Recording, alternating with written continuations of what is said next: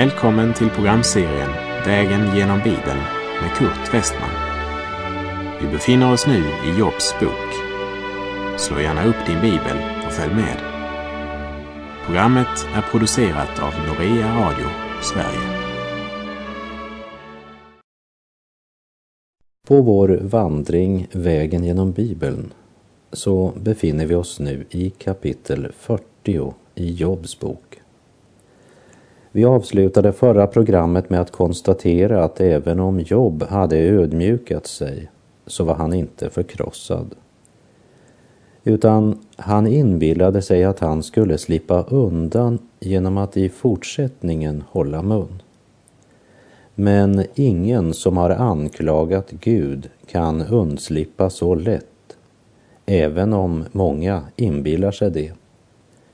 Job sa vad skulle jag svara dig, Gud? Jag måste lägga handen på munnen.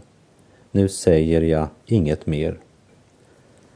Det vill säga Jobb bestämmer sig för att hålla mun från och med nu och hoppas med det kunna komma undan och slippa svara för allt han talat mot Gud. Men det slipper han inte undan. För ingen som talat mot Gud kommer undan sitt uppgör. Det kommer för var och en, förr eller senare. Men det kommer alltid, om inte förr så på domens dag. Som någon har sagt, du kan gömma dig för Gud hela ditt liv, men sedan då? Ja, ingen kan undslippa Gud så lätt. Vi läser Jobb kapitel 40, vers 1 och 2. Och Herren talade till Jobb ur stormvinden och sade Omgjorda som en man dina höfter. Jag vill fråga dig och du må ge mig besked. Gud ställer Jobb mot väggen. Du har anklagat Gud. Nu kräver jag ett svar. Varsågod Jobb, svara. Och vi läser vers 3. Vill du göra min rätt om intet och döma mig skyldig för att själv stå som rättfärdig? Guds fråga är klar som kristall och mycket rakt på sak. Det är som någon har sagt att om vi fick se oss själva så som Gud ser oss skulle vi inte stå ut med oss själva. Att studera och skaffa sig teoretisk kunskap är inte nog. Watchman Nee, han sa så här Många svårigheter i den kristna verksamheten i vår tid beror på att vi nöjer oss med ett objektivt bifall till den kristna läran. Vi söker ett yttre, intellektuellt ljus i skriften och låter bli att söka en inre tillämpning i erfarenheten. För många så innebär ordet ljus i ordet endast en intellektuell lösning av dessa frågor.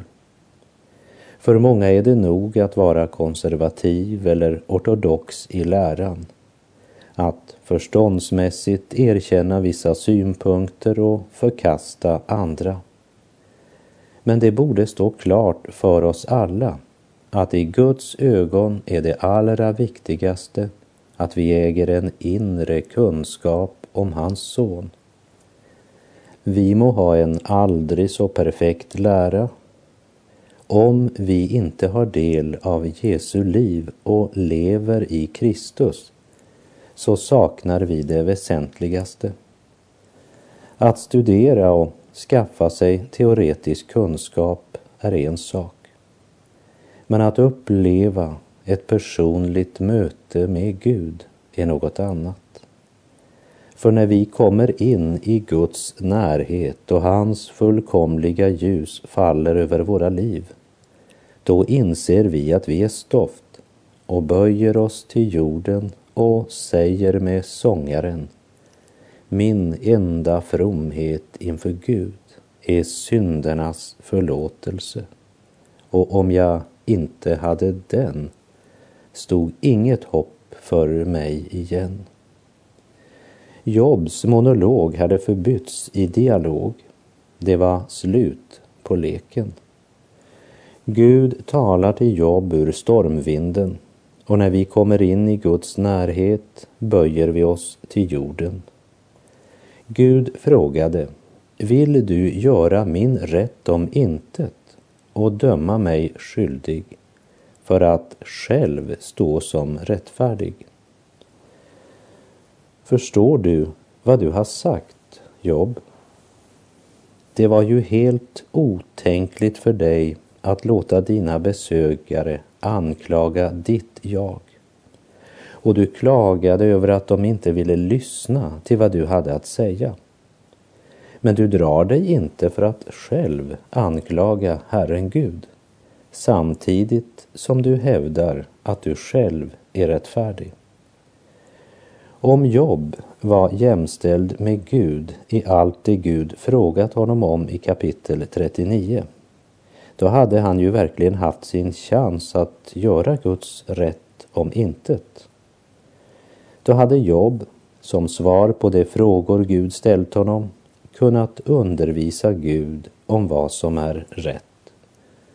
I ljuset av dessa ord så inser Jobb både sin egen litenhet och han anar något av Guds suveräna höghet. Han anar att Guds tankar är så mycket högre än Jobs tankar som var himlen är högre än jorden. Det handlar inte bara om höjdskillnad. Det handlar om två världar. Men Gud stannar inte där. Han konfronterar Job med ännu en bild från Guds fantastiska skapelse. När Gud i Jobb 40, vers 20 presenterar Leviatan, det vill säga krokodilen. Vi läser Jobb kapitel 40 och vers 20. Kan du dra upp Leviatan med krok och med en metrev betvinga hans tunga? Det är ju så du gör med abborren och harren. Du tar ditt redskap, sätter betet på kroken och fångar lätt ditt byte. Du har liksom kontrollen. Du klarar det så lätt. Men kan du göra detsamma med krokodilen? Kan du dra upp Leviatan med krok och med en metrev betvinga hans tunga? Att dra upp en abborre med metrev och krok, det är en sak. Men krokodilens storlek och styrka är sådan att det är bäst för människan att eh, droppa ett sådant projekt. Ja, men säger du, det finns ju de som fångat en krokodil. Ja, men knappast ensamma med bara metrev och krok. Men även den här illustrationen talar till Jobb. För han hade inte försökt fånga en krokodil med metrev. Nej, han hade gjort något ännu mera dåraktigt. Han hade försökt döma Gud skyldig.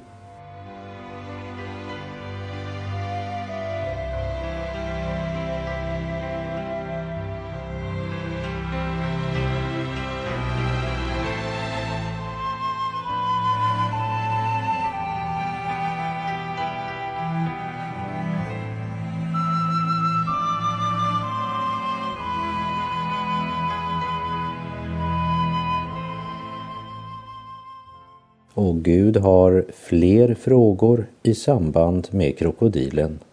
Vers 25 och 26. Brukar fiskarlag köpslå om honom och stycka ut hans kropp mellan köpmän? Kan du skjuta hans hud full med spjut och hans huvud med fiskharpuner? Låt oss minnas att vid den tid då Gud använder den här bilden när han talar till Jobb så fanns varken vår tids harpungevär eller andra högeffektiva vapen. Så krokodilen var inte på den tiden föremål för köpenskap. Krokodilens kropp styckades inte upp mellan handelsmännen så som de gjorde med nötboskapen. Och detsamma gäller honom som skapat krokodilen.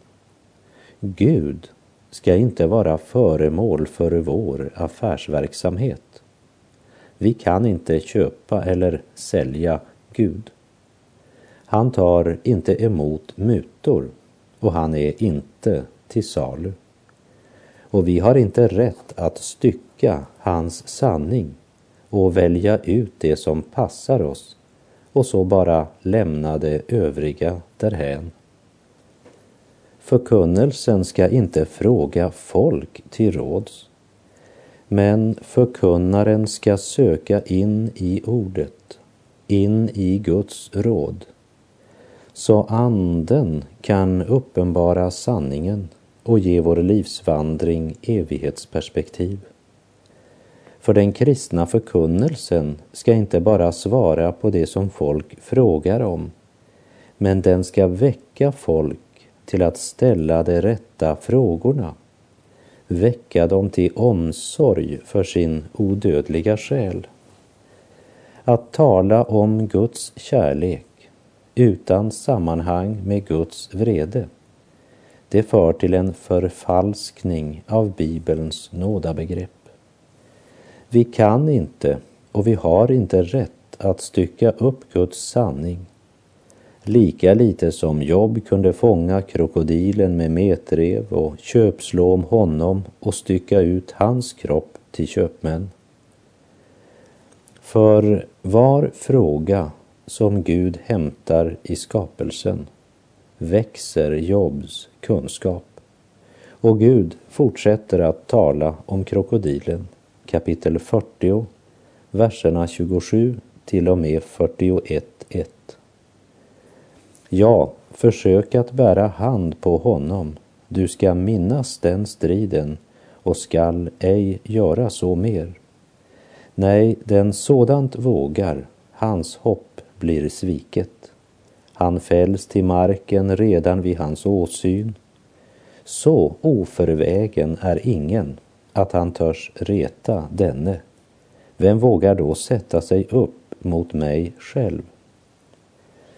Den som är dumdristig nog att försöka bära hand på krokodilen ska nog minnas den striden om han överlever. Ingen är väl så dum att han retar krokodilen. Men vem vågar då sätta sig upp emot honom som skapat krokodilen, frågar Gud. Det är intressant att så långt har Gud ännu inte med ett ord berört besökarnas anklagelser som de hade slängt ut mot Jobb. Gud har inget att säga om Jobs förflutna. För alla besökarnas anklagelser, de var helt utan grund. Och det som Gud nu anklagar Jobb för var inte orsak till hans lidande. Men det Gud nu talar ut med Jobb om, det är Jobs felaktiga syn på Gud för den önskar Gud korrigera. Gud har genom de bilder han målat ut ifrån skapelsens värld och genom de frågor han har ställt Jobb uppenbarat sin omsorg, inte bara för skapelsen, men också för Jobb som enskild person. Gud uppenbarade något av sin omsorg, vishet, makt och evigt upphöjda majestät och inför denna gudsuppenbarelse smälter Jobs tvivel. Hans protester dör ut. Han står fortfarande mitt uppe i sitt lidande.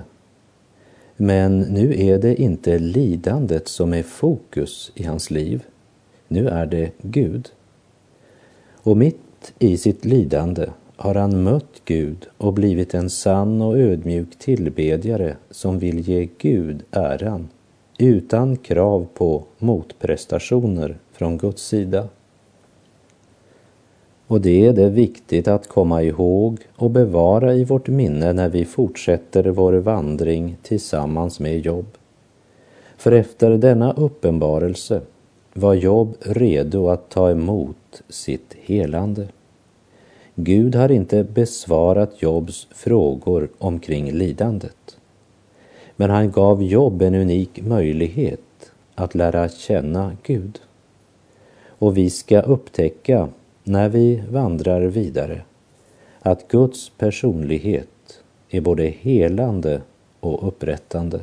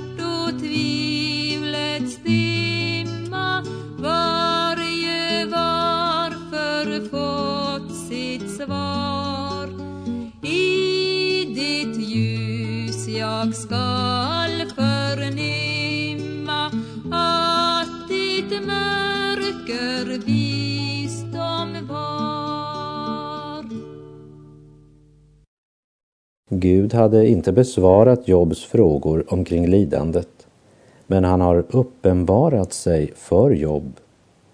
Och denna uppenbarelse har verkligen förvandlat denna bittra man. Vi läser Jobb kapitel 42, vers 1 och 2. Job svarade Herren och sade, ja, jag vet att du förmår allt och att ingenting som du beslutar är dig för svårt. Kära vän som lyssnar, är det en sådan Gud du har? Efter de 41 kapitel som vi vandrat genom i Jobs bok så är det underbart att läsa kapitel 42 som börjar med att Jobb prisar Gud och ger honom ära. Det är som vi hörde Jobb säga, jag kan inte fatta allt det som har drabbat mig. Det är för svårt för mig. Men jag vet att det inte är för svårt för Gud. Jag skulle inte ha kritiserat honom bara därför att jag inte förstod. Och vi läser vers 3. Vem var då jag som i oförstånd gav vishet namn av mörker?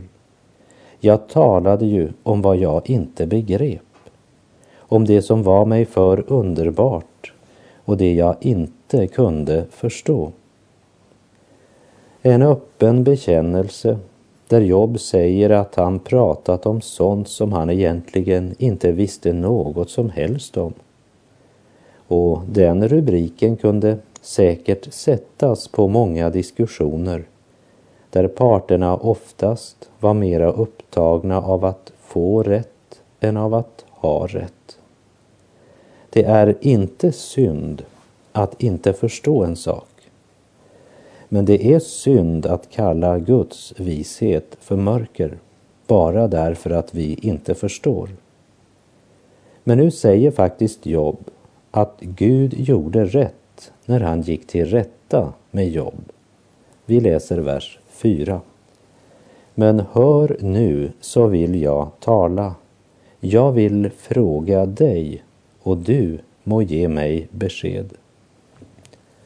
Här möter vi inte en man med bara bokkunskap, men en man för vilken Gud har uppenbarat sig. En man med ett fullständigt nytt gudsbegrepp. Han ifrågasätter inte något av det som Gud gör och själv vill han inte göra något utan att fråga Gud. Halleluja, Jobb har haft ett möte med Gud. Gud har verkligen gjort stora ting i den här mannens hjärta. Jobb har inte bara fått en ny inställning till sitt lidande. Han har en helt ny inställning till Gud, för nu känner han honom. Jobb står fortfarande mitt i alla sina prövningar. Jobb är fortfarande svårt sjuk, men Jobb vet något som han inte visste förr. Nämligen att Gud är inte Jobs fiende, han är Jobs far. Jobb har kommit in i Guds vila. Och då är vi tillbaka där. Nu har Gud fått föra Jobb dit, där Jobb är redo att ta emot Guds helande. Han har kommit in i Guds vila, där skaparen nu har full frihet att hjälpa. Och hör, min vän, Jobs fantastiska, mäktiga vittnesbörd i vers 5. Endast hörsägner hade jag uppfattat om dig, men nu har jag fått se dig med egna ögon. Job hade talat och handlat utifrån den gudsbild han hade. Men nu hade han fått veta mer. Ja, han hade personligen mött Gud. I våra dagar är det så många som tror på en lära istället för att leva i personlig gemenskap med Jesus. Och det är orsaken till att så många hänger sig till uppgifter och så få är hängivna till Herren Jesus Kristus. Hemligheten i var lärjunges liv är hängivelsen till Jesus Kristus. Och ett sådant liv tränger sig inte fram, utan som ett vetekorn faller det till marken och dör. Och utan att någon vet hur det har gått till bär det frukt. Jobb säger, endast hörsägner hade jag uppfattat om Gud. Men nu har jag fått se honom med egna ögon. Därför tar jag tillbaka och ångrar mig i stoft och aska.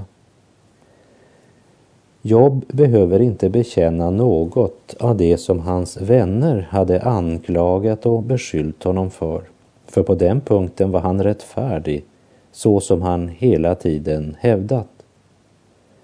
Men han tar tillbaka vad han under slutet av sina prövningar hade sagt om Gud.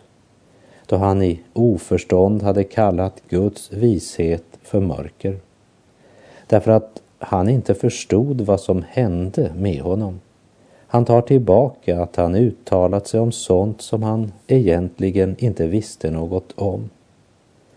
I Matteus 12, vers 26 säger Jesus jag säger er att för varje onyttigt ord som människor talar skall det stå till svars på domens dag. Låt oss komma ihåg att det är Jesus som älskar oss som säger det. Jobb har inte bara hört om Gud eller läst om Gud. Jobb har mött Gud. Och det som kännetecknar det mötet är att människan böjer sig till jorden. Jag tycker mig se den ångrande jobb där han ödmjukt sitter i säck och aska och i bakgrunden hör jag Jesu kärleksfulla röst som säger Saliga är de som är fattiga i anden, dem tillhör himmelriket. Saliga är de som sörjer, de ska bli tröstade. Saliga är de ödmjuka, de ska ärva jorden. För den själ som får ett möte med Gud och böjer sig för honom och bekänner sin synd, så slutar det inte varken i synden eller i askan och stoftet. Jobb har fått ett möte med Gud. Jobb har fått bekänna sin synd för Gud. Och därmed är Jobb redo för nästa fas i Guds själavård. Han är nu redo för Guds upprättelse i sitt liv. För det blir en upprättelse. Men det ska vi se närmare på i nästa program. För nu är vår tid ute för den här gången. Och jag säger på återhörande om du vill. Herren vare med dig. Må hans välsignelse vila över dig. Salmisten säger i den 147 Saltarsalmens tredje vers. Han helar dem som har förkrossade hjärtan och deras sår förbinder han. Gud är god.